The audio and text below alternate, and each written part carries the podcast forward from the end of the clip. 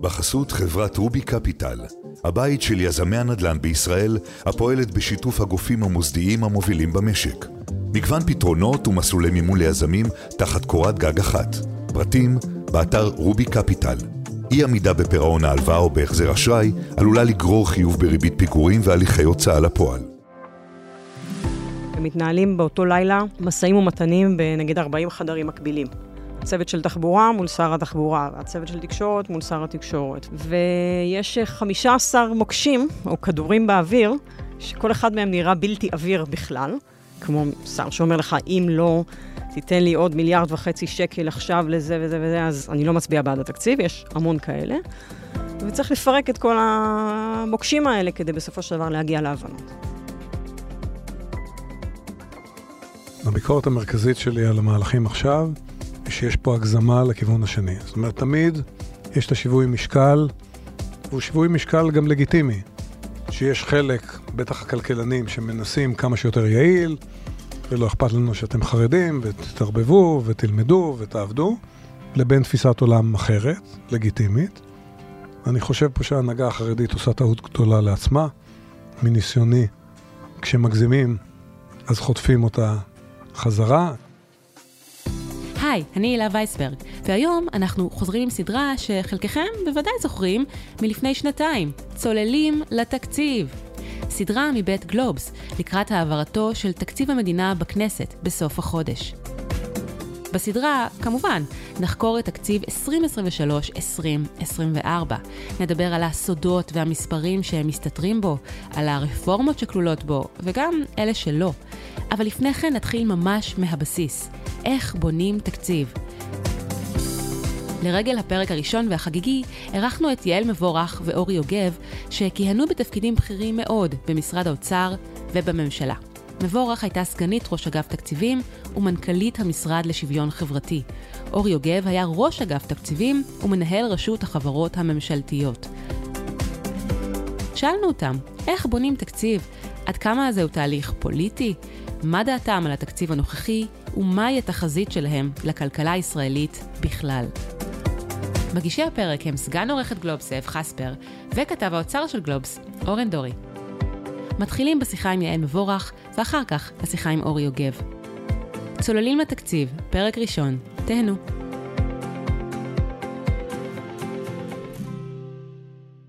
יעל מבורך, תודה שבאת. שמחה להיות פה. אולי אה, בעצם את תציגי את עצמך הכי טוב. בשמחה. אז אני בעצם אה, הייתי הרבה שנים במשרד האוצר, 11 שנים במגוון של תפקידים, גם בנדל"ן, גם בתקשורת, אבל רוב השנים באמת עסקתי בנושא של תקציב המדינה, ההכנה של תקציב המדינה והמדיניות הפיסקלית של אה, ישראל. אחר כך הייתי כמה שנים בלונדון, בבנק אה, האירופאי לשיקום ופיתוח. אחר כך הייתי מנכ"לית המשרד לשוויון חברתי, בממשלה הקודמת-קודמת ובממשלה אה, הקודמת, והיום אני סמנכ"לית הכספים של קופת החולים מאוחדת. מעולה, כי זה, התיאור הזה של התפקידים האלה, האמת שחשבתי על שלושה מהם, אבל גם הרביעי, החו"ל, mm-hmm. יאפשרו לנו לעשות איתך סיור לאורך תקציב המדינה מזוויות שונות בעצם. כי את היית גם המכינה של התקציב, וגם uh, לקוחה בעצם נכון. פנימית, וגם לקוחה חיצונית, ובכלל עם מבט מבחוץ גם מחו"ל. אז תתחילי אולי בתקופה שלך באגף. אוקיי, okay, אז באמת, הכנה של תקציב היא תהליך uh, מאוד uh, מורכב. בסדר? אנחנו עובדים בשנה רגילה, עובדים על תקציב בערך עשרה חודשים מתוך 12. לא הייתה לנו שנה רגילה כבר הרבה מאוד שנים, בגלל שיש תקציבים דו-שנתיים ויש תקציבים המשכיים בגלל בחירות, אז uh, לוחות הזמנים קצת השתבשו, אבל באמת תהליך uh, מאוד ארוך, שרובו נעשה בצד של הממשלה, ואחר כך בחודשיים האחרונים שלו בערך בכנסת, עד שהוא מגיע לאישור uh, סופי. מה זה תהליך בתוך הממשלה? מה הוא כולל? בעצם תהליך התקציב מתחיל עם מה שאנחנו קוראים הטייס האוטומטי. כן, אנחנו לוקחים איזו עבודה פנימית שנעשית בתוך אגף תקציבים, עומדים את כל ההתחייבויות של הממשלה. התחייבויות שכבר קרו, שכבר אה, הן התחייבויות חלוטות. כמו? כמו למשל אה, הסכמים קיבוציים שיש לנו עם העובדים, כמו למשל פסקי דין שהמדינה מחויבת לשלם, או כמו החלטות שהיא קיבלה בעבר, שהן החלטות רב-שנתיות. ועוד רכיב נוסף זה בעצם אה, הבשלה של פרויקטים שהם רב-שנתיים. למשל, החליטו לפני מספר שנים לבנות כביש, הנגזרת המזומנים שלו היא פרוסה על פני מספר שנים, אז אנחנו בודקים מה הסטטוס של הבנייה, ונותנים איזושהי התחייבות למזומנים, וככה זה נכון גם בבנייה של נדל"ן ובתשתיות אחרות. אז זה בעצם התהליך הראשון, אנחנו רואים מה, מה הצורך שלנו, מה גובה ההוצאה שלנו יהיה, רק על החלטות שכבר מאחורינו, עוד לפני שקיבלנו החלטות חדשות. אבל בעצם איזה, לא יודע כמה, 90 אחוז מהתקציב הוא משוכפל, אם לא יותר. קודם כל, אנחנו בונים את התקציב אה, בישראל, אנחנו בונים אותו בשיטה של דלתא. אנחנו עושים פלוסים ומינוסים ביחס לשנה קודמת, אנחנו לא בונים מאפס. כל שנה מה צריך להיות תקציב החינוך, ומה צריך להיות תקציב הביטחון, ואנחנו לא בונים מאפס את התקציב. אולי פעם צריך לעשות את זה. פעם צריך לעשות את זה, זה נכון. אנחנו באמת עובדים בשיטה של שינויים ביחס לשנה קודמת. בתהליך הזה, התהליך הזה נשמע קצת טכני, אוקיי? בונים טייס אוטומטי, מהם ההתחייבויות, אבל יש פה בסוף גם כאן אה, הרבה הנחות. מה יהיה המדד, קצב הגידול של הקצבאות, אה, מה תהיה הריבית וכמה אג"ח שהמדינה משלמת על האג"חים שהיא מנפיקה, קצב התקדמות פרויקטים. זאת אומרת, יש הרבה משתנים שהם משתנים עם הנחות, יכולות להיות הנחות שמרניות מאוד, יכולות הנחות להיות מקלות מאוד. רוצים לעשות את זה בצורה המקצועית ביותר, בשביל לעשות את התהליך פנימי שנעשה רק במשרד האוצר, אה, מה אה, צבר ההתחייבויות של הממשלה. אחר כך עושים תחזית של הכנסות, זה הצד השני בעצם של התהליך. גם פה בעצם יש מודלים סטטיסטיים שנעשים במשרד האוצר, למה יהיה גובה ההכנסות ממיסים, מושפע בעיקר מהתחזית שלנו לצמיחה. ככל שיש יותר צמיחה, יש יותר מיסים, אה, וגם אה, ההשפעה של המדד ושל המטח, זה נגיד הפרמטרים המשמעותיים בצד ההכנסות, אבל גם שם יש כל מיני נתונים קצת יותר קשים לעמידה, קצת יותר מלוכלכים כביכול, כמה דיבידנד ניקח מחברות ממשלתיות, מה תהיה השפעה של מבצע מס שעושה רשות המיסים פעם בחמש שנים, העמקת גבייה, כל מיני פרמטרים שהם יותר רכים. אנחנו את התהליך הזה של ההכנסות גם בודקים מול גורמים חיצוניים. מול בנק ישראל, בראש ובראשונה, מול כלכלנים בכירים אחרים במשק, בשביל לראות שתחזית הצמיחה שלנו היא אכן אה, מול ה-OECD, מקבלים פידבק על ההנחות שלנו בבניית אה, תחזית ההכנסות, ואז יש לנו מחד את ההוצאות, ומצד שני את ההכנסות הצפויות, ואנחנו משווים אותם אחד לשני. אנחנו שומעים הרבה על מאבקים של אגף תקציבים מול אגפים אחרים באוצר, או מול האוצר מול משרדים אחרים. מעניין אותי הדינמיקה בתוך אגף תקציבים. את הרי היית הסגנית שאחראית על המקרו. בעצם היית אחראית על, ה, על המספרים, על הנתונים, פחות על, uh, כמו שאמרת, לכל משרד ממשלה יש את הצוות שלו באוצר, שהם יושבים על הרפורמות ספציפית. מה הדינמיקה בין מי שאחראי על המקרו באגף תקציבים לבין החבר'ה שעובדים עם המשרדים השניים? יש לנו בדיוק את הדינמיקה שהיית מצפה, כן? נגיד, הצוות uh, של uh, משרד הרווחה רוצה להגיע לסיכום עם השר, עם המשרד. ובשביל זה הוא צריך עוד שפיל מסוים, אוקיי? הוא צריך עוד איזה 300 מיליון בשביל uh, לקבל עכשיו את ההסכמה, או להעביר רפורמה שהוא מאוד מאוד רוצה. וצוות המקרו רואה בסוף את התמונה הכוללת, ואומר, אני לא יכול שגם פה ישלמו על זה, ופה ישלמו על זה, ואומר, אי אפשר, ואין לך...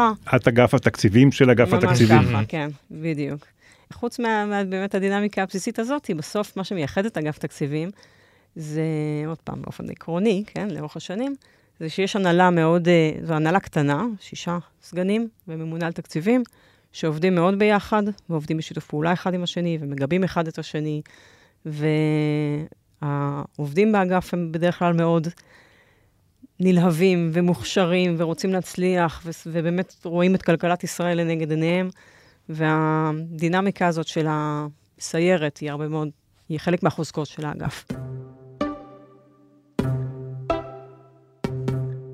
אז אם ניגע רגע בתקציב הנוכחי, אנחנו רואים שתחזית ההכנסות של הכלכלנית הראשית נעשתה באמת סמוך לאישור התקציב בממשלה. מצד שני, היא כבר אז ציינה שיכול להיות שיידרש עדכון, ואנחנו באמת רואים שהכנסות המדינה הן במגמת ירידה. האם צריך לעדכן את תחזית ההכנסות עוד לפני שמאשרים את התקציב סופית, או שהם יכולים להמשיך אה, לאשר אותו כפי שתכננו, עם יעד הגירעון הנמוך, ותוך כדי תנועה להתאים אה, את השינויים. ברגע שנעשית תחזית ההכנסות וממנה נגזר תקציב, לצורך העניין היום כבר אישרו בממשלה, ועכשיו הכנסת תאשר, את המסגרת. זאת אומרת, תחזית ההכנסות היא כבר פחות רלוונטית uh, לצורך העניין. אבל תמיד יש, וחייבים לעשות, עדכונים במהלך השנה. היו שנים שראינו שההכנסות צנחו לנו, פתאום ברבעון האחרון, ועשינו תהליך התכנסות. אה, צמצמנו אה, הוצאות, העלינו מיסים, כדי לתקן תוך כדי, והם היו שנים שעשינו הפוך, שהיו הכנסות גבוהות ממיסים, וראו השרים אה, במחצית השנה שהמצב הוא אה, יחסית יותר אופטימי ממה שצפינו בהתחלה, ועשינו הפחתה של מיסים. ומה ההתנהלות הנכונה? האם אתם רואים, אתם אה, לשעבר, כן. היום באוצר, רואים שבאמת אה, ההכנסות יורדות ולא תומכות ביעד הגירעון הנמוך שהציבו, ולא יכולות אה, לממן את כל ההוצאות שקבעו בתקציב? האם... הכללים הנכונים זה להגדיל מיסים כדי להעלות את ההכנסות, האם לקצץ בהוצאות, האם פשוט אפשר להגדיל את הגירעון? מה הדבר כן. המקצועי לעשות? אז זה, זה מביא אותי רגע לכללים הפיסקליים, אולי נכון להבין אותם, כן. לפני שאנחנו נכנסים לתיקונים במהלך השנה. כי איך מלכתחילה אנחנו קובעים מה יהיה הגובה הגירעון? אה, אז יש בישראל שני כללים, יש לנו יעד אה, גירעון ויש לנו תקרה של הוצאה. בעצם אחד הוא כלי אה, אנטי-מחזורי והשני הוא פרו-מחזורי. אז בגירעון אנחנו בעצם אומרים, אנחנו לא רוצים באופן פרמננטי להוציא מעל מה שאנחנו מכניסים כממשלה, ולהגדיל את החובות שלנו ולגלגל את זה, את ההוצאות הריבית האלה לדורות הבאים. כשאנחנו בשנים האחרונות היינו בסביבות הגירעון של 3 אחוזים, זה היה הגירעון שלנו בתכנון, בפועל בחלק מהשנים באמת היה נמוך יותר. וגם זה פועל יוצא של איזה חוב אנחנו רוצים בישראל, מה יחס חוב התוצר הרצוי. אז נגיד אנחנו מכוונים כאיזה בנצ'מארק ל-60% יחס חוב תוצר, ומזה אנחנו גוזרים את uh, רמת הגירעון שלנו. וזה אומר שבשנים של צמיחה וגאות במשק, יש לנו יותר הכנסות, אבל, ואז אנחנו מאפשרים לעצמנו יותר הוצאות, אם אנחנו עובדים עם, עם כלל של גירעון.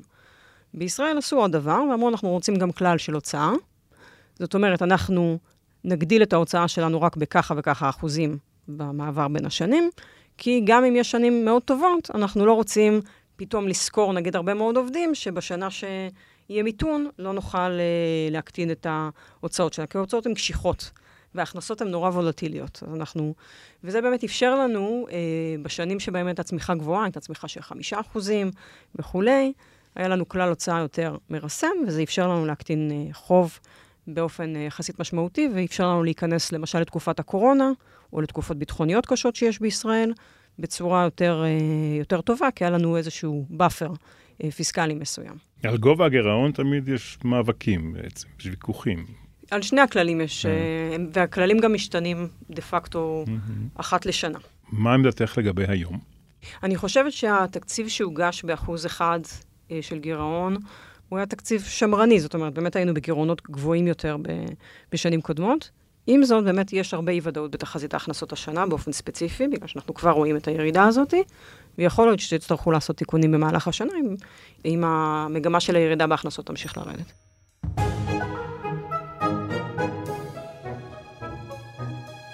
אני רוצה לעבור לתפקיד הבא שלך mm-hmm. בקריירה, וזה מנכ"לית uh, משרד ממשלתי. מה למדת במעבר הזה? מה ראית פה שלא ראית שם? קודם כל, אה, באוצר יש תמונה הרבה יותר רחבה של התקציב.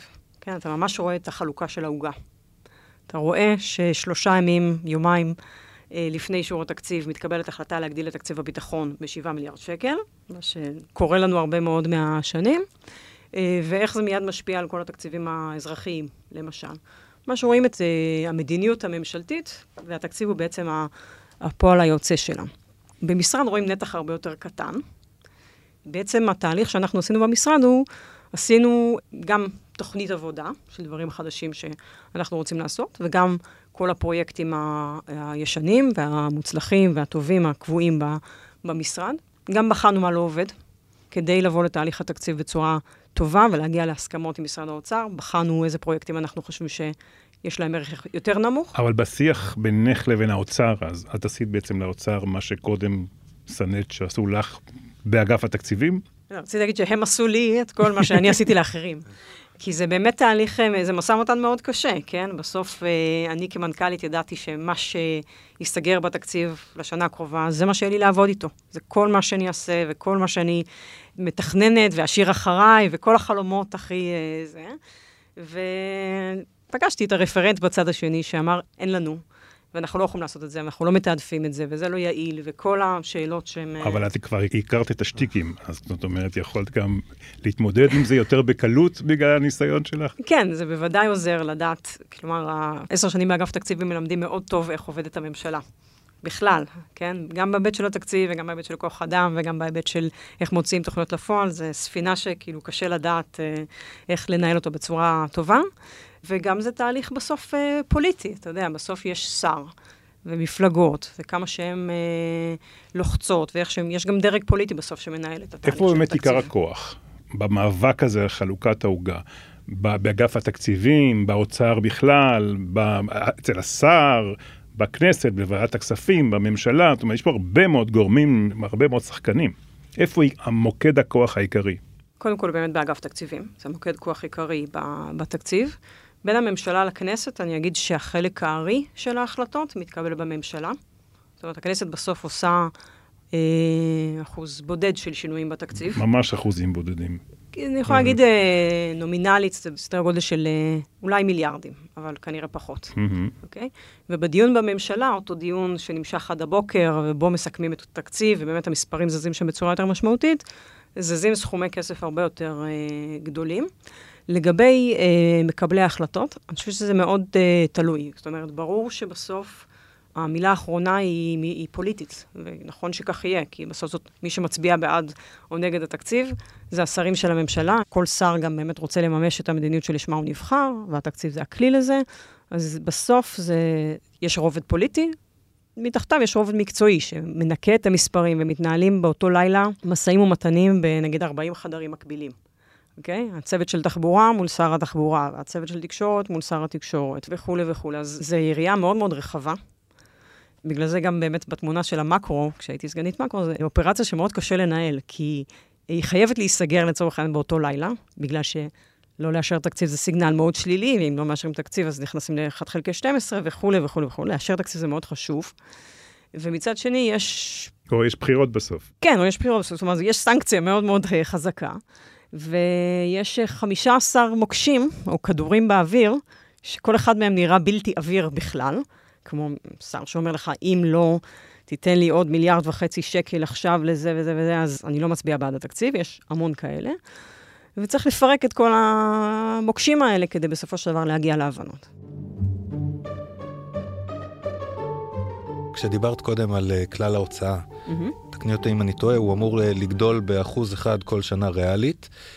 זה קורה בפועל?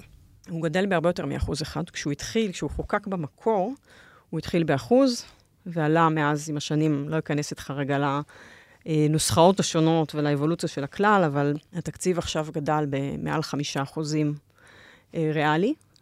עוד פעם, כשהמשק גדל אנחנו לא יודעים מה תהיה הצמיחה, אבל לא בשיעורים כאלה, וגם האוכלוסייה לא גדלה בשיעורים כאלה, זאת אומרת, אנחנו מגדילים את ההוצאה לנפש בישראל בשנים האחרונות, by far. אם כל הזמן משנים את הכלל, יכול להיות שהוא לא רלוונטי, אולי צריך שינוי בסיסי יותר? אני חושבת שזה חולשה של הכללים שלנו בישראל, שאנחנו כל הזמן משנים אותם. כי באמת, אה, הכללים הם רב-שנתיים, הם לא כלל לשנה אחת. אנחנו אומרים, השנה הגירעון יהיה אחוז, ובעוד שנה הוא יהיה חצי אחוז, ובעוד שנה... ואנחנו אף פעם לא מגיעים לשנה השנייה. תראי את הכלכלה הגדולה בעולם, מה היא עושה כל הזמן. כל פעם מעלים את תקרת החוב. היום קראתי, אני לא יודע כמה פעמים הם העלו את תקרת, 70 פעם כבר הזיזו את תקרת החוב האמריקאים. כן. זה נכון שהאמריקאים זה כנראה לא הדוגמה הכי טובה ללמוד ממנה, אבל צריך לזכור שבסוף אנחנו לא אמריקה. זאת אומרת, בסוף כשמנמיקים אג"ח אמריקאית, לעומת אה, אג"ח ישראלית, היא אוטומטית בטוחה יותר. אוקיי? כי ארה"ב תמיד מחזירה את החוב שלה. לנו יש בסוף דירוג אשראי נמוך יותר, כי יש לנו רמת סיכון גבוהה יותר, ואצלנו יש אה, באמת מצב גיאופוליטי משתנה, ואנחנו גם כלכלה קטנה, אז כשמתעטשים בסין, או בארצות הברית, או באירופה, אנחנו סופגים הרבה מאוד מזה, ולכן אנחנו תמיד צריכים להיות, אנחנו ומדינות אחרות כמונו, דנמרק, ותיקח את כל המדינות שאנחנו תמיד אה, אוהבים להשוות את עצמנו בגודל דומה וכולי, צריכות להיות אה, עם מדיניות פיסקלית יותר שמרנית מארצות הברית. אז אם דיברנו על דירוג האשראי, עד כמה הגדלת הגירעון תשפיע עלינו מבחינת הדירוג, שאנחנו רואים עכשיו שסוכנויות דירוג האשראי בוחנות את ישראל בשבע עיניים, אז מצד אחד אנחנו רואים שקבעו יעד גירעון נמוך של פחות מאחוז, ואפילו שר האוצר סמוטריץ' אמר השבוע שמתחילים מנקודה טובה, כך שגם אם הגירעון יגדל, והוא לא חושב שהגירעון יגדל, אנחנו עדיין נהיה בסדר. זה באמת גם מה שסוכנויות הדירוג יחשבו? אני חושבת שזה עוד מוקדם להגיד, כי באמת אה, השנה עוד אה, רק בתחילתה. צריך לזכור שבשנה שעברה ממשלת ישראל הייתה בעודף, שזה גם דבר יוצא דופן, ובסוף לא נכון להסתכל בהכרח על המדיניות הפיסקלית ברמה השנתית או הנקודתית, כי יש שנה מעודף מממנת שנה בגירעון, אבל אני חושבת שאם נראה מגמה של ירידה בהכנסות שהולכת וממשיכה, ולא יהיה שינוי במדיניות בהתאם לזה, ככה שהגירעון הצפוי, ואנחנו, אני חושב שאחד הדברים היפים שנעשו בהפקת הלקחים במשרד האוצר, זה שמפרסמים את הדוח הזה כל חודש, בצורה מאוד שקופה. ככה שאי אפשר להחביא את הנתון שלנו, זה נתון פומבי, אנחנו יודעים מה הגירעון החודשי. אם מספר חודשים עוקבים הוא יהיה גבוה מדי, אז uh, אני חושבת שלא יהיה מנוס בשביל להימנע מהורדת דירוג מלפעול בהקשר הזה.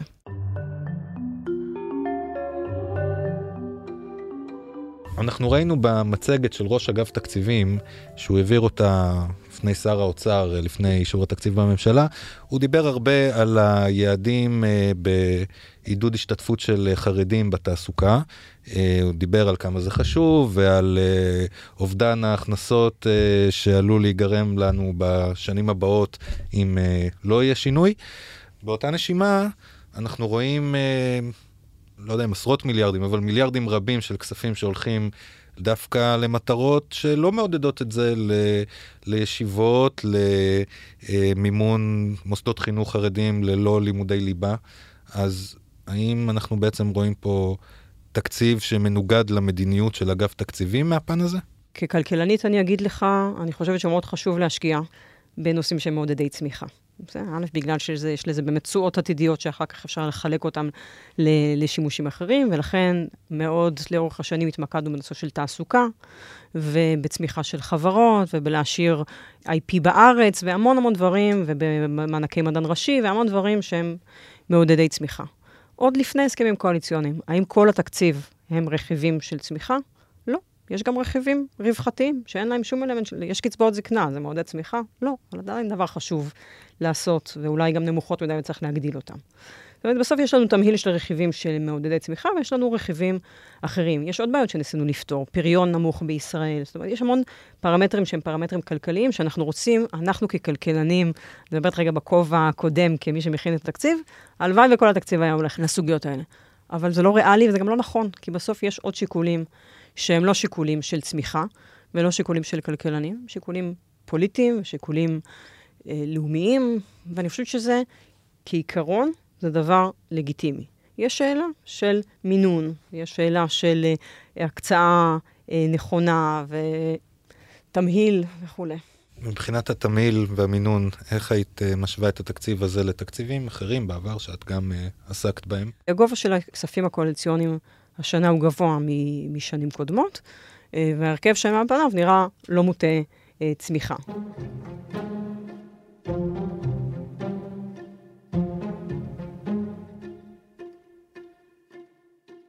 לגבי חוק ההסדרים, אנחנו שומעים טענות uh, לאורך השנים שזה בעצם חוק שהוא לא כל כך דמוקרטי, בגלל שמשרד האוצר מעביר רפורמות ללא דיון מעמיק.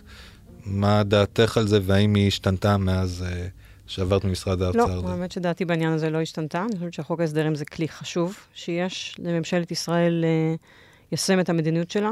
דיברנו על כמה קשה להעביר את התקציב. בגלל אי היציבות הפוליטי בישראל, כמה זמן היינו ללא תקציב אה, מדינה מאושר, כמה קשה לנו, בגלל שממשלות לא מסיימות אה, ארבע שנים של קדנציה, אז קשה לקדם חקיקה בדרך הרגילה.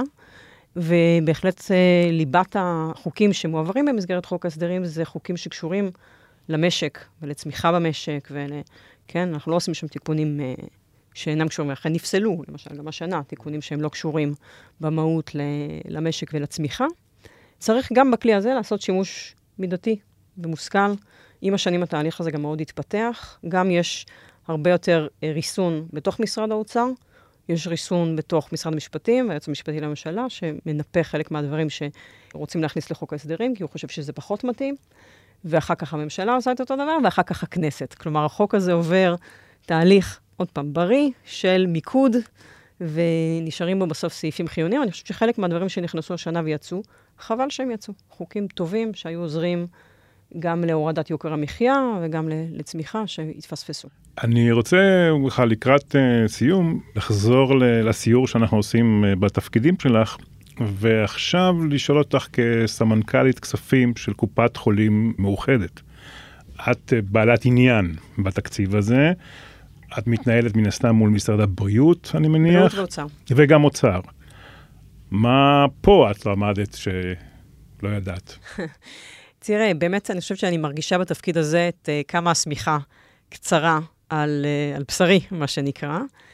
בקופות החולים באופן מבני, הן uh, גירעוניות, כן? הן תמיד מתוקצבות בחסר, כדי שהן יתייעלו מתוך מחשבה במערכת הבריאות שכל מיטה תמיד מתמלאה, וכל רופא תמיד יש לו תורים, וזו מערכת שההיצע בה יוצר איזה סוג של ביקוש. וגם תמיד... מתוך ידיעה שהגירעונות האלה יכוסו. הם יכוסו, אבל במחיר, הם לא מכוסים, אף אחד לא רושם צ'ק בסוף השנה ואומר לך, נתראה בעוד 12 חודש, כן? זאת אומרת, המערכת הזאת כל הזמן היא, היא, היא מתייעלת. עוד פעם, באופן מבני, ואני חושבת שגם באופן נכון. אבל בתהליך התקציב השנה, בגלל שהייתה שמיכה מאוד מאוד קצרה, ובגלל סדרי עדיפויות שהתקבלו, שאני עכשיו, כאילו, כמו שאתה אומר, אני צד ג' אה, להם, אז לא ניתן תקציב לכיסוי גירעונות הקופות בשנה הנוכחית. מה שמשאיר אותנו באי-ודאות, אה, את המערכת, כן, את מערכת קופות החולים, שמספקת את שירותי הבריאות לקהילה במסגרת הסל, עם המון אי-ודאות. בדיעבד אז, שוב, אני חוזר לאוצר, כן? את אומרת, שיט, אולי אני הגזמתי בזמנו, עכשיו אני מבינה כלקוחה של תקציב המדינה, שאי שם בירושלים, יושבים שם קצת במגדל שן, מנותקים אולי קצת ממה שקורה בשטח? תראה, אני חושבת שעכשיו הראייה שלי היא באמת יותר צרה על תחום הבריאות, ולגיטימי שכך uh, יהיה, כן, כי זאת הפוזיציה הספציפית. באופן כללי, אני חושבת שהמתח הזה בין האוצר ומשרד ראש הממשלה כמתכננים מרכזיים שרואים את כל התמונה, לבין כל משרדי הקצה, הוא מתח בריא. למרות שהוא לא נעים הרבה פעמים, הוא לא נעים פה והוא לא נעים שם, ובאמת לפעמים אתה מנצח ולפעמים אתה מפסיד, אבל בסוף זה תהליך אה, בריא.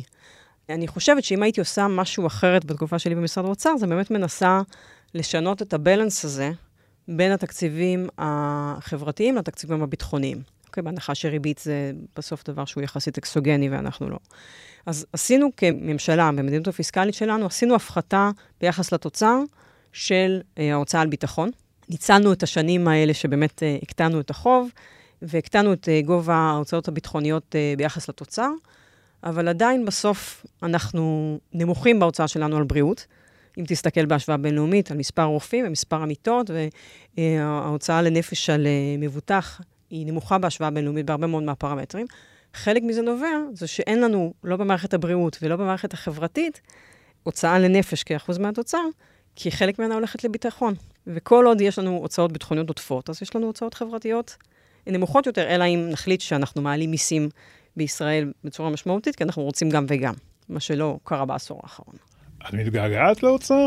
אני יודע, על התהליך הזה הכל כך uh, מהותי, ועם יכולת השפעה כל כך גבוהה על המקרו. אני לא מתגעגעת לאוצר, כי באמת אה, אין יום ואין לילה, וכמות הלחצים שמתמודדים איתה, היא, היא לא חושבת שאפשר לעשות את זה לאורך אה, הרבה שנים, אבל זה בהחלט, אה, כאילו, אומרים, the room where it happens, כאילו, זה ממש להיות בלב הפועם של ממשלת ישראל. וזו כנראה העבודה הכי מעניינת שתהיה לי. יעל מבורך, תודה רבה לך. בשמחה. תודה רבה רבה. תודה. אחרי השיחה עם יעל מבורך, שעסקה יותר בטכניקה ובפרקטיקה של בניית תקציב, עברנו לדבר עם אור יוגב על הדינמיקה והפוליטיקה של התקציב, וגם על מורשת חשובה שהשאיר אחריו ברשות החברות הממשלתיות, והנמצאת כיום בסכנה, נבחרת הדירקטורים. שלום אורי יוגב, תודה שבאת אלינו. שלום, שלום. אולי ניתן לך את האפשרות להציג את עצמך בעצם איך שאתה רוצה, לא שאנחנו רוצים. אז לצורך השיחה הזו, הייתי ראש אגף התקציבים, הייתי יושב ראש המועצה הלאומית לכלכלה, הייתי מנהל רשות החברות. היום אני יושב ראש קרן תשתיות שהקמתי עם שותפים בשם אלומה, מתעסקת בתחומים מאוד מעניינים, תשתיות דיגיטליות, אנרגיה ירוקה ופסולת. יפה. עדיין אה, עוקב אה, אחרי מה שקורה באגף התקציבים ואחרי התקציב. אה, זה מסוג הדברים שאי אפשר להשתחרר ממנו, ואני גם מאוד אוהב מקרו. לא, אני מאוד מעורב, אני מתבטא, ומתקשרים אליי מדי פעם, לא כל יום. בכמה תקציבים היית מעורב בעצם, במצטבר? כראש אגף תקציבים, בשנתיים ארבעה תקציבים.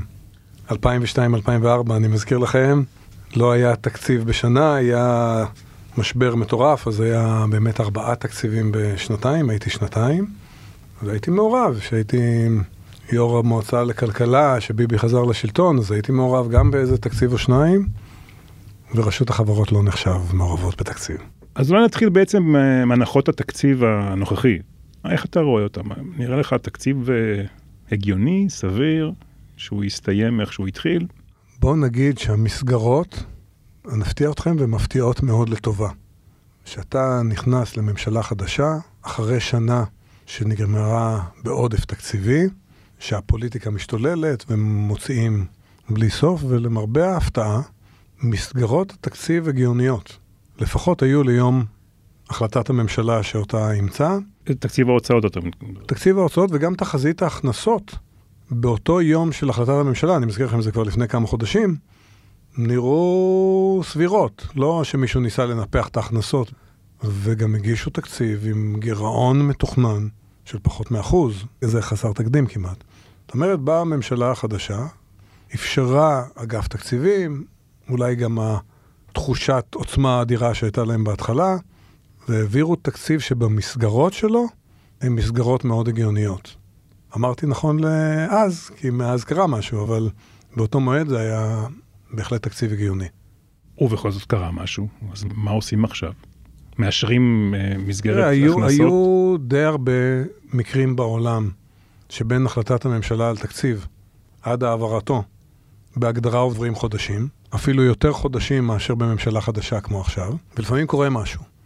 די נדיר, או אני חושב שמאוד לא שגרתי, שיפתחו את התקציב באמצע התהליך, ישלימו את שלוש הקריאות במסגרת תקציבית שאושרה בממשלה ועברה את הקריאה הראשונה בכנסת וכדומה, ואחר כך, במהלך השנה, ככל שאירוע בעייתי, אם הוא חיובי אז, וסומכים אין בעיה, אבל אם הוא בעייתי, וככל שהוא יהיה בעייתי, יפתחו את התקציב כלפי מטה. אבל אורי, הקונצנזוס כרגע בקרב אנליסטים וגם גורמים באוצר עצמו, הוא שלא יעמדו בתחזית ההכנסות הזאת. אה, ההכנסות יהיו נמוכות יותר, וכבר אנחנו רואים את זה בנתונים מתחילת השנה. אז איך אפשר להעביר תקציב כזה שאתה יודע מראש שהוא לא ריאלי? אין מה לעשות, המועד שבו מאשרים את מסגרות התקציב, למעט מקרים חריגים ביותר, ואנחנו לא נמצאים שם בהחלט כרגע, הוא המועד שבו אה, מתקבלות ההחלטות על המסגרות, הן עוברות בקריאה הראשונה, ובדרך כלל ברמת המסגרות, לא מדבר על מה שבפנים וכל מיני רזרבות וכאלה, נשארות אותו דבר עד השלמת תהליך התקציב, שחייב להסתיים החודש, אחרת לא תהיה לנו ממשלה. שאלתם על ההיסטוריה שלי, אני הגעתי לאוצר באפריל 2002, שהכנסת אישרה תקציב בתחילת פברואר. תקציב שקשר בינו לבין המציאות הכלכלית באותה עת היה רחוק ביותר. חזרת לאוצר בעצם, אתה אומר. כן, חזרתי לאוצר, הייתי ילד אוצר, אבל חזרתי לאוצר כראש אגף תקציבים, באמת בתקופה כזו, שכשהעבירו את התקציב בשישי בפברואר, נדמה לי זה היה, ברור שהצד של ההכנסות הוא לגמרי לא ריאלי, והוא יחייב מהלכי מדיניות של קיצוצים בצד ההוצאה. ואכן, הגעתי באפריל, וזה היה המשבר הידוע, 12% על השחר, 5 שקלים לדולר, ובאמת עשינו אז מערך קיצוצים מאוד גדול, והעברנו תיקון לתקציב. קראנו לזה תוכנית כלכלית, כי אתה לא פותח את חוק התקציב. וב-30 ביוני, כאשר התקציב עבר שלוש קריאות, בפברואר הוא עבר שלוש קריאות פעם נוספת בסוף יוני, ובוצעו ההתאמות. אם נעבור לעכשיו, חוסר הבהירות לגבי ההשלכה שנה קדימה, או שנה וחצי קדימה במקרה הזה, הוא דרמטי, הוא לא קיים. זאת אומרת, ברור שכל המהפכה החוקתית הזו, וגם תהליכים מאוד בעייתיים שקורים בעולם, הייטק, ריבית וכדומה, גרמו לזה שבאמת התחזית שנראתה מאוד שמרנית לפני שלושה חודשים, נראית אופטימית עכשיו. אבל כל עוד הירידה בהכנסות תהיה במונחים לא דרמטיים, ואני מדבר על אחוז תוצר או שניים, זאת אומרת, זה יכול להיות גם פגיעה בהכנסות של 15 מיליארד או אפילו 30 מיליארד שקלים בשנה, עדיין לא חייבים להוריד את ההוצאות. הגירעון שמתוכנן בתקציב פחות מאחוז, אולי הוא יהיה שלושה אחוז. הוותיקים מבינינו יודעים שהרבה מאוד שנים זה אפילו היה מתוכנן ככה ויותר. אם המשבר יתפתח לירידה של מדרגה נוספת בהכנסות, משבר נדל"ן, משבר הייטק מתרחב מעבר למיקרו של ישראל, ובאמת תהיה ירידה מאוד משמעותית בהכנסות, אזי יכול להיות שיבוא אגף תקציבים, ישכנע את שר האוצר, ישכנע את ראש הממשלה וילך לממשלה, ויכול להיות שיעלו מיסים, יעשו קיצוצים. אתה זוכר תקופה דומה של כזה חוסר ודאות? כן, יותר מאחת, אבל זה נכון שזה לא שגרתי. Mm-hmm. תקופת חוסר הוודאות האחרונה, לדעתי, הייתה במשבר 2008. זה לא היה קשור אלינו באופן uh, ישיר, אבל היה אי ודאות מטורפת בעולם, בנקים נפלו. בדיעבד זה היה משבר הרבה פחות גדול ממה שהיה חשש באותם ימים. ישראל עברה אותו יחסית יבשה. ישראל יצאה ממנו לא רק יבשה, אלא אפילו כאחת המדינות היחידות שפעלה בניגוד לאחרים.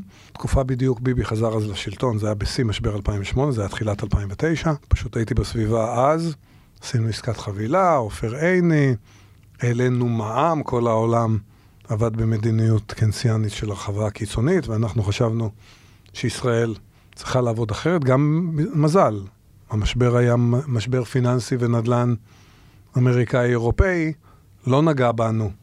באמת, ובאמת אה, אה, יצאנו ממנו בצורה פנטסטית. הוא היה הקודם, אי ודאות לא פחות גדולה מהיום, בדיעבד אי ודאות שהסתובבה לצד החיובי של העולם מצידנו.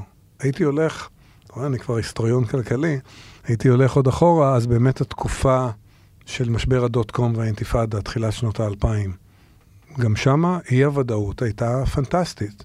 זה בכלל מאפיין משברים גלובליים, זה פחות... הקטע הישראלי פה הוא, הוא הלא שגרתי, אבל אז היה באמת שילוב של הדוט קום, נפילת הנסדק, עם אינתיפאדה שלא נגמרה פה, אנשים פחדו לצאת לרחובות, צריכה ירדה בטירוף, אבטלה הייתה, והוא היה משבר עם אי ודאות מאוד גדולה. תלך אחורה, אז ברור שהיה את העלייה, ולפני כן ההיפר-אינפלציה. בלי עין הרע עברו פה משברים... אה, גדולים, ואי ודאות, מה שיפה בה זה שאי ודאות בזמן אמיתי, ואתה מסתכל עליה אחורה, אז נוצרת ודאות. אז בדיעבד, אפילו עכשיו, יכול להיות שנהיה עוד שנה, שנה וחצי, ונגיד, וואו, חשבנו שהכל נחרב פה, אבל הוא לא.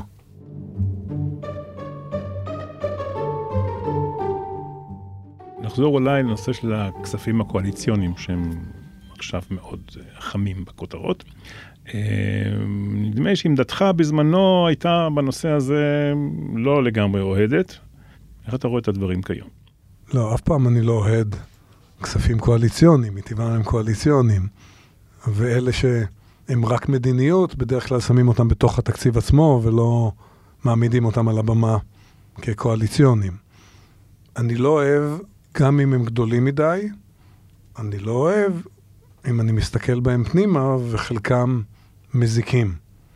אפילו לא לא עוזרים, אלא מזיקים. לא אהבתי בעבר, לא אוהב היום, אבל במציאות של, אה, דווקא במציאות החיובית של משטר קואליציוני, דמוקרטי והכול, בהגדרה הדבר הזה הוא חלק מהמשחק. אני שמח שהיום זה קצת יותר שקוף ממה שזה היה לפני 20 שנה, אז לפחות רואים את זה. החבל הוא שהיום כבר לאף אחד לא אכפת, אז רואים את זה ו... ובכל זאת עושים את זה. נתייחס לפעם הזו זה באמת היקפים יחסית לא שגרתיים כלפי מעלה, ובאמת בתוכם המרכיב של הכספים שמתמרצים אי עבודה הוא מאוד גדול, וזו בעיה. זו הבעיה, הרבה יותר מהגודל. איזה יכולת יש לאגף תקציבים לנסות אה, לבקר את הכספים הקואליציוניים, או לנסות אה, להגיד זה לא מתאים, זה ממש עושה נזק. יש לו השפעה בכלל בנושא הזה? יש לו השפעה ביכולת של להגיד. לרובנו אין את ההשפעה של אפילו ליכולת להגיד, אבל עושים את אה, נערי האצר מאוד חזקים, והם אכן מאוד חזקים, אבל בסוף מי שמחליט זה ממשלה, ראש ממשלה, שר אוצר, בסדר הפוך. הרי כל תקציב בא אגף תקציבים, יורד לקומת שר האוצר, מביא תוכניות רבות ונפלאות. פה בבסיס היה לו הסכמים קואליציוניים מבהילים בגודלם. התוצאה הרבה פחות מבהילה מההסכמים עצמם, אבל יש שם מספרים, עשרות מיליארדים רבים של הבטחות שרובם אפילו חסרות כיסוי, זה אפילו לא היה עניין של מדיניות, של חוסר יכולת לבצע. ואז באמת מגיע אגף תקציבים, ומעביר אצל שר האוצר את המסגרת של ההוצאות, זה מה שחשוב במקרה הזה, מראה את תחזית ההכנסות, ואז נכנסים לפירוט. ובפירוט ברור שבתוך החדרים החבר'ה של אגף תקציבים מנסים לשכנע, בעיקר באותם סעיפים שהם חושבים שהם גם מזיקים לכלכלה. יש לפעמים כספים קואליציוניים שזה בסדר. תפיסת עולם, אני יודע, היה עלייה בתקציבי ה... אה, משרד התרבות לפני איזה 15 שנה, אני יודע, אחרי שנים שהם היו מבושים. והחבר'ה באגף תקציבי אמרו, לא נורא שזה קואליציוני, אז נזרום. בדרך כלל ממש נכנסים לסעיפים. הסעיפים הבעייתיים, יש שם מלחמות גדולות של שכנועים של החבר'ה של האוצר, כמה זה לא נכון וכמה זה בלתי אפשרי. ומנסים להוריד את זה למינימום. הזדמן לך להגיד לשר, נניח, תשמע, אה, זה לא, יהיה, לא אצלי, זה לא עובר? זה עניין של סגנון, לא תמיד צריך להגיד במילים האלה. אני לא, אף פעם לא הייתי מאלה שמאיימים עד כדי להתפטר. אבל היו לי מערכות יחסים מאוד קרובות עם שרי האוצר שאיתם עבדתי. בתקופה הרלוונטית היה אותו ראש ממשלה, אריק שרון, והיו יותר ממקרה אחד שאמרתי, אתה עדיין תקדיש עכשיו עוד חצי שעה ותבין למה אתה לא מתכוון לעשות את זה. תן לנו דוגמה איך שכנעת את אריק שרון. לא אדם קל לשכנוע. טוב, אז נספר סיפור. אני הגעתי להיות ראש אגף תקציבים אמצע חומת מגן הצבאית. מצב כלכלי מטורף. אני שבוע בתפקיד, ברור שאנחנו בצרות כלכליות, ובא אריק ומאשר, תמיד זה מין פורומים גדולים לפי הנושא, אז יושבים איזה 40 איש של הביטחון, והוא אומר, אה, החלטתי, שני מיליארד שקל, עכשיו לשם. ואני אומר לו, זה עוד היה בפורום הרחב, שני מיליארד שקל, אתה מבין שזה אומר שאנחנו הולכים למהלך קיצוץ דרמטי. הוא אומר, סבבה, אבל זה מה שהחלטתי. שבועיים אחר כך קיבל את המשמעות, נכנסתי אליו לחדר. של הקיצוצים. של מה זה אומר? עשרה מיליארד שקל, למה שניים? היה כבר בעיה קודם, זה כמו שאמרתי לכם, היה תקציב לא ריאלי. ואז מתחילים במה מקצצים. זה הצד ההפוך של מה ששאלת אותי, אבל, אבל זו דוגמה קלאסית. והגענו למסקנה שחייבים לבטל את הסיוע בשכר דירה. מיליארד וחצי שקל, הכי קשה פוליטית שאפשר. הסיוע הסוציאלי. כן, היו אז נותנים מענקים לאנשים, לזוגות צעירים, כדי שיגורו בסלאמס בדימונה ובמגדל העמק וכדומה, אבל נתנו, נתנו, וזה היה מאוד מאוד לא נכון כלכלית והמון כסף. ובמידה רבה הכרחנו אותו לבטל את הסעיף. תחשבו מה זה, מיליארד וחצי שקל נעלם ב... בהחלטה אחת, אבל בסוף באמת לא הייתה לו ברירה. לא נותן לו רק את זה. אם לא, אז תקצץ בביטחון, אז תקצץ פה, אז תקצץ שם. עליו אפשר להגיד שהוא מאלה שיודעים לקבל החלטות, הבין שאין ברירה, ויאללה. אבל הזכרת את uh, תקציב הביטחון. במשך שנים לאוצר בעצם לא היה ממש שליטה בתקציב הזה. והרושם זה שזה לא השתנה מאוד. אז זה לא, לא נכון. במסגרת התקציב הייתה השפעה ועוד איך. איך התקציב בפנים מחולק? אתה צודק, לא הייתה. יש היום הרבה יותר, אבל עדיין פחות מבמשרדים אחרים בהרבה. אבל לא, גם בשנים האלה, גם עכשיו.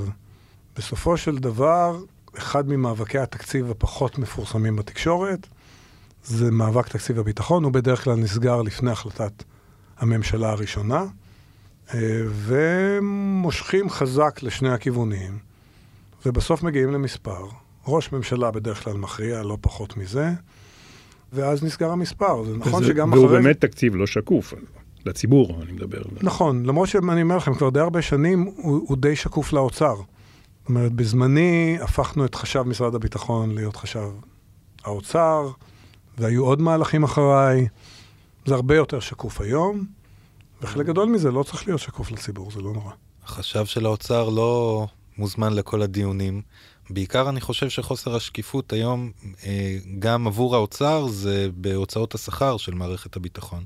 יכול להיות שעלויות של כל מיני פרויקטים מסווגים לא באמת צריך לחשוף, אבל uh, ההשפעה של האוצר על הוצאות השכר במערכת הביטחון, מה שאנחנו מכירים גם uh, כל הנושא של הפנסיות התקציביות והגדלות הרמטכ"ל, שם באמת הכסף הגדול יוצא, נוזל בין האצבעות. אבל הבעיה היא, לא, זה לא נובע משקיפות. האוצר מכיר היטב את כל הסעיפים שאמרת, אבל לא מצליח. באותם קרבות רחוב שיש מאחורי הקלעים, לא מצליח שם לנצח, והדוגמה האחרונה שאמרת של תוספת הרמטכ"ל, ברור שהאוצר מבין הכל ורצה להפוך, והפסיד. ואגב, זה כמו כסף קואליציוני ומאוד יקר. החלטה ששם התקבלה, היא החלטה של יותר ממיליארד שקל בשנה, כסף גדול ממש, אפילו לא כמו הסכם קואליציוני רגיל שהשנה, שנה הבאה, ואז גם אולי יקצצו את זה, פה זה בבסיס של הבסיס. בתוך מערכת הביטחון יש עדיין לא מעט לעשות בשבירת המונופול שלהם על, על קביעה של איך משנים בפנים וכולי וכולי, אבל בסוף זה באמת עוצמה, זה בין עוצמה פוליטית לבין באמת אה, עוצמה של השר עצמו, וגם אוריינטציה של ראש ממשלה. יש ראשי ממשלה, כמו ביבי הרבה פעמים, שאומר לא יעזור כלום, לא מעניין אותי, זה אני נותן, מתוך אג'נדה, ויש כאלה שפחות. כלומר, שר אוצר, כמה שהוא יתעקש, הוא לבדו לא יכול לבטל את זה.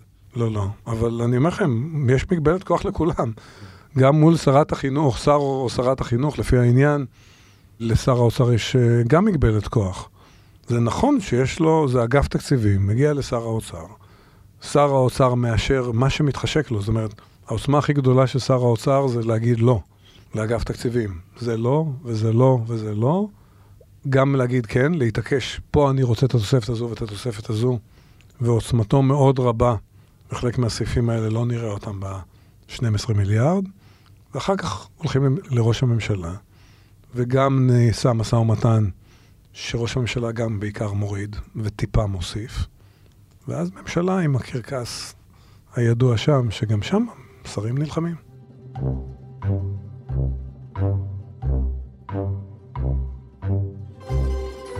בוא נדבר שנייה באמת על הכוח של שר אוצר אה, להשפיע על התקציב. כי אנחנו יודעים שהתקציבים, בפועל מי שעורך אותו זה אגב תקציבים, אנשי המקצוע באוצר. הרבה פעמים אנחנו רואים שאותן רפורמות שהם אה, ניסו להוציא תחת ממשלה אחת, הם ינסו להוציא אותה גם תחת ממשלה אחרת, לא משנה האוריינטציה הפוליטית.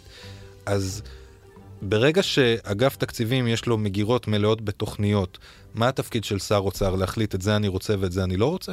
תלוי בצורה קיצונית בשר האוצר. אם שר האוצר מספיק מקצועי ומספיק רוצה, אז זה יהיה התקציב שהוא ישב בחדר וכתב והכריח את אגף תקציבים ליישם את מה שהוא אומר. החיים מורכבים מזה כמובן, עוד לא. גם האסרטיביים משרי האוצר, בוא נגיד בייגה שהיה מאוד ותיק, כבר היה כזה מקצועי, שהבין שהוא יכול לחתום פתק צהוב, זה היה נורא מזמן, ולקבל החלטה של עשרות מיליארדים לבד, ושאגף תקציבים יכול לעשות מה שמתחשק לו. הדינמיקה הרגילה היא באמת שיש את האג'נדה של אגף תקציבים שהוא שם אותה בפני שר האוצר, ושר האוצר מביא גם אג'נדה שלו. רובה היא בחירה מבין האפשרויות שהאגף נותן, אבל כמעט כולם יש להם שניים, שלושה, ארבעה נושאים שנורא מעניינים אותם. ואם הם רוצים אותם לקדם והם מספיק אסרטיביים, אז אגף תקציבים אה, יבצע. אגף תקציבים באמת אמור לבצע את המדיניות של השר, אבל מה הנקודת איזון שבה אה, אגף תקציבים צריך להניף דגל אדום ולהתנגד? ניתן דוגמה של אה, שאול מרידור, שהחליט שהתנהלות של שר האוצר לשעבר ישראל כץ חצתה את הגבולות מבחינתו, ופשוט אה, עזב. וגם לך יש ניסיון בלהתפטר כשאתה... אותי דווקא מנסים לפטר בדרך כלל, אני לא זוכר שהתפטרתי. אוקיי. אני חושב שזה צריך להיות מצב מאוד מאוד חריג, וזה גם אישי, שראש הקו תקציבי מתפטר מתפקידו.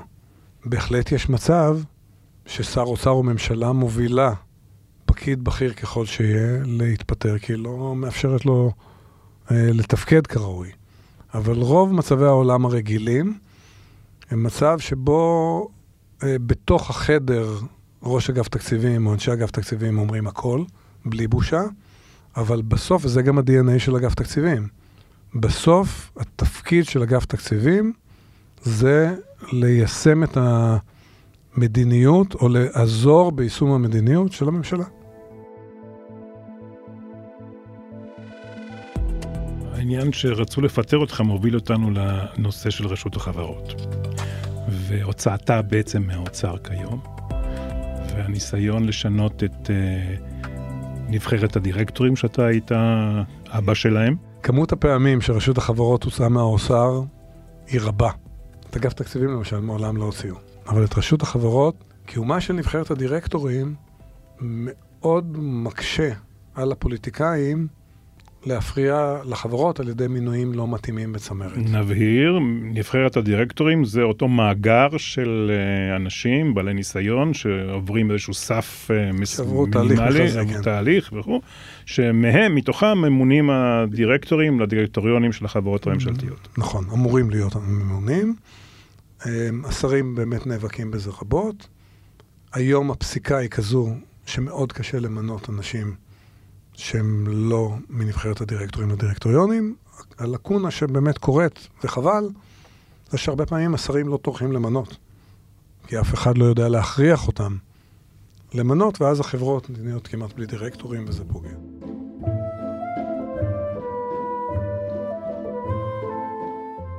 נחזור רגע לתקופתך באוצר.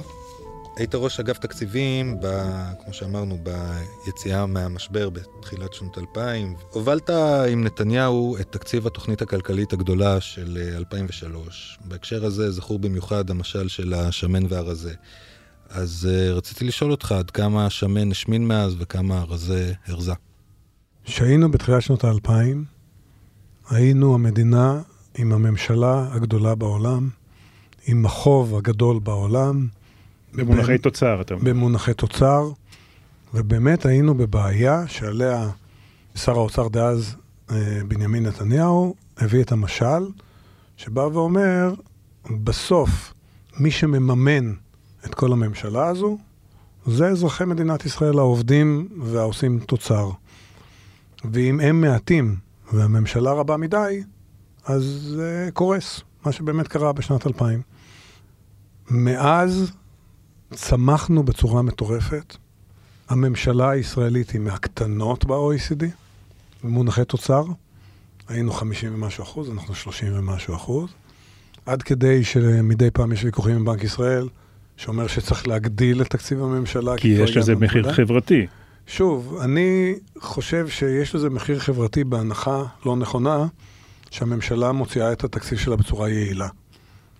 יש שתי ממשלות, אחת מוציאה 50 אחוז והשנייה מוציאה 36 אחוז, אבל אחת יעילה והשנייה לא, יכול להיות שהם נותנים את אותם שירותים בדיוק. אני לפחות בדעה שגודל הממשלה הוא לא קריטריון נכון לבעיה חברתית או לא, אבל זה נכון שהגענו כבר לגודל שגודל הממשלה זה לא בעיה. השמן פשוט לא שמן. היום בישראל השמן רזה, והרזה למזלנו עדיין רזה. אז השמן שהרזה הוא פשוט לא מתנהל ביעילות אה, שהיית מצפה ממנו? לא, קודם כל, אני חושב שמדינת ישראל מתנהלת ביותר יעילות ממה שהיא נוהלה לפני 20-30 שנה, הממשלה. אני חושב שכמה מהלכי מדיניות מאוד גדולים של משמעת פיסקלית, של אה, באמת המון קריטריונים להוצאת כספים, פרוטקציוניזם היה בעבר לפעמים אפילו יותר בתוך התקציב עצמו. אני חושב שכל הרפורמות העצומות של אה, שוק ההון ושוק העבודה, שבעצם, הוצא, והוצאת ההסתדרות שניהלה פה את הרבה, אנחנו מדינה הרבה יותר יעילה, גם בהשוואה עולמית ובטח בהשוואה לעצמנו. אבל זה לא על, על כתפיים של כלכלה שהיא מצד אחד, שיש בה סתירה פנימית, מצד אחד יש חלקה מאוד חזק וחלקה מאוד מאוד מאוד... אה, חלשה. אתה צודק. ושהיא הולכת ונחלשת. אז בוא נגיד ככה, אני חושב שבאמת הבעיה הכלכלית, היא חברתית כמובן, אבל כלכלית-חברתית, העיקרית שלנו היום, מעבר, שוב, אני חוזר, מעבר לסיכוני דמוקרטיה וכאלה, היא אי השוויון.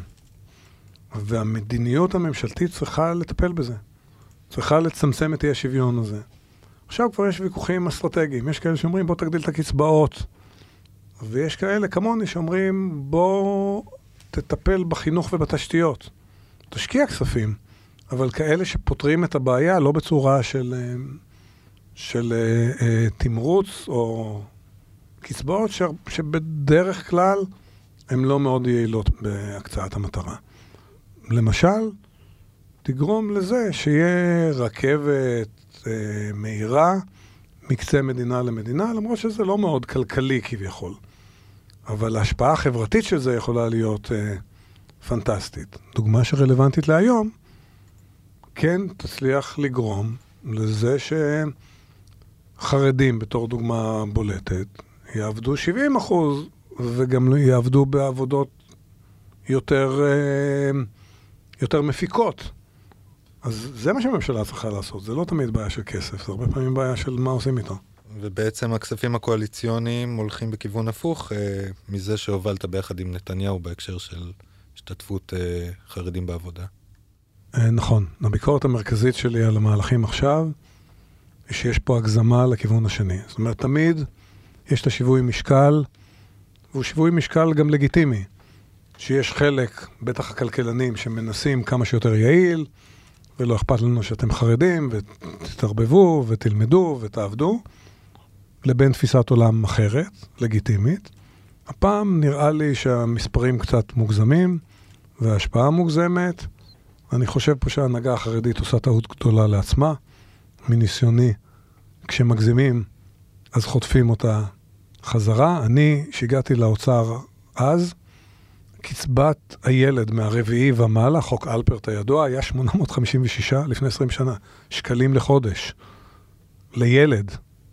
זה גרם לשינוי וטומי האב, לפיד האב, שנעשה שר המשפטים, ולא עניין אותם כלום, אלא להוריד את הקצבאות, והורדנו אותם באופן דרמטי, הרבה יותר ממה שרצינו אנחנו הכלכלנים, אפילו על הילדים שכבר חיים, למאה ומשהו שקל. זאת אומרת, מה שקורה עכשיו, הוא כן יגרום לנזק, כמו ששאלת קודם, ככל שהוא יהיה יותר מתמשך, כמובן שהוא יהיה יותר גדול. אבל אני משוכנע שיהיה פה ריקושט. יהיה ריקושט גם ממתישהו תבוא ממשלה שתעשה אחרת. אני חושב שיהיה גם ריקושט מהחברה החרדית עצמה. החברה החרדית עצמה היא לא החברה החרדית שהייתה לפני 25 שנה, ואני לא בטוח שהרוב הצעיר של החברה החרדית מוכן להמשיך לחיות בעוני מרות. אז מה היינו מצפים לראות מהחברה החרדית? הם uh, יבואו ויצאו נגד ההנהגה שלהם וידרשו לימודים עם ליבה? אני חושב שהם יחליפו את ההנהגה שלהם. אני מאוד אופטימי במובן הזה, אני לא מאלה שאומרים, יהיו פה יותר ויותר חרדים והם ישתתפו לנו למדינה. יהיו יותר ויותר חרדים והם ישתלבו, כי הם ירצו. אני לא מדבר, יש כל מיני השפעות פוליטיות ודברים שהם לא קשורים דווקא לכלכלה, אבל בהשתלבות בכוח העבודה, והם השתלבו בכוח העבודה, שגם עם כל הקצבאות שנותנים עכשיו, אברך מקבל אלף שקל, גידול דרמטי, אבל אלף שקל לחודש. לא כולם מוכנים uh, לחיות ברמה הזו.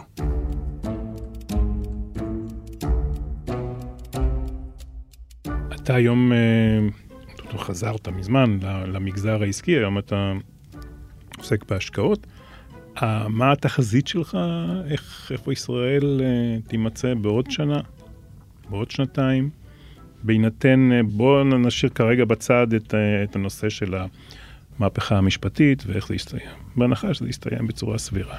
אז בהנחה שבאמת לא יהיה פה דברים של באמת שינוי שינה משטר ודברים כאלה, ועם המורכבות הקשה של הפערים, שהם לא רק פערים כלכליים, הפערים בין השבטים, מה שנוהגים להגיד, שיוצרים מתיחות עם משמעויות כלכליות גם כן, אבל בהנחה שזה יישאר ברמה אפילו הזו, שהיא בעייתית, אני מניח שכלכלת ישראל תחזור לצמוח ותושפע בעיקר ממה שקורה בעולם.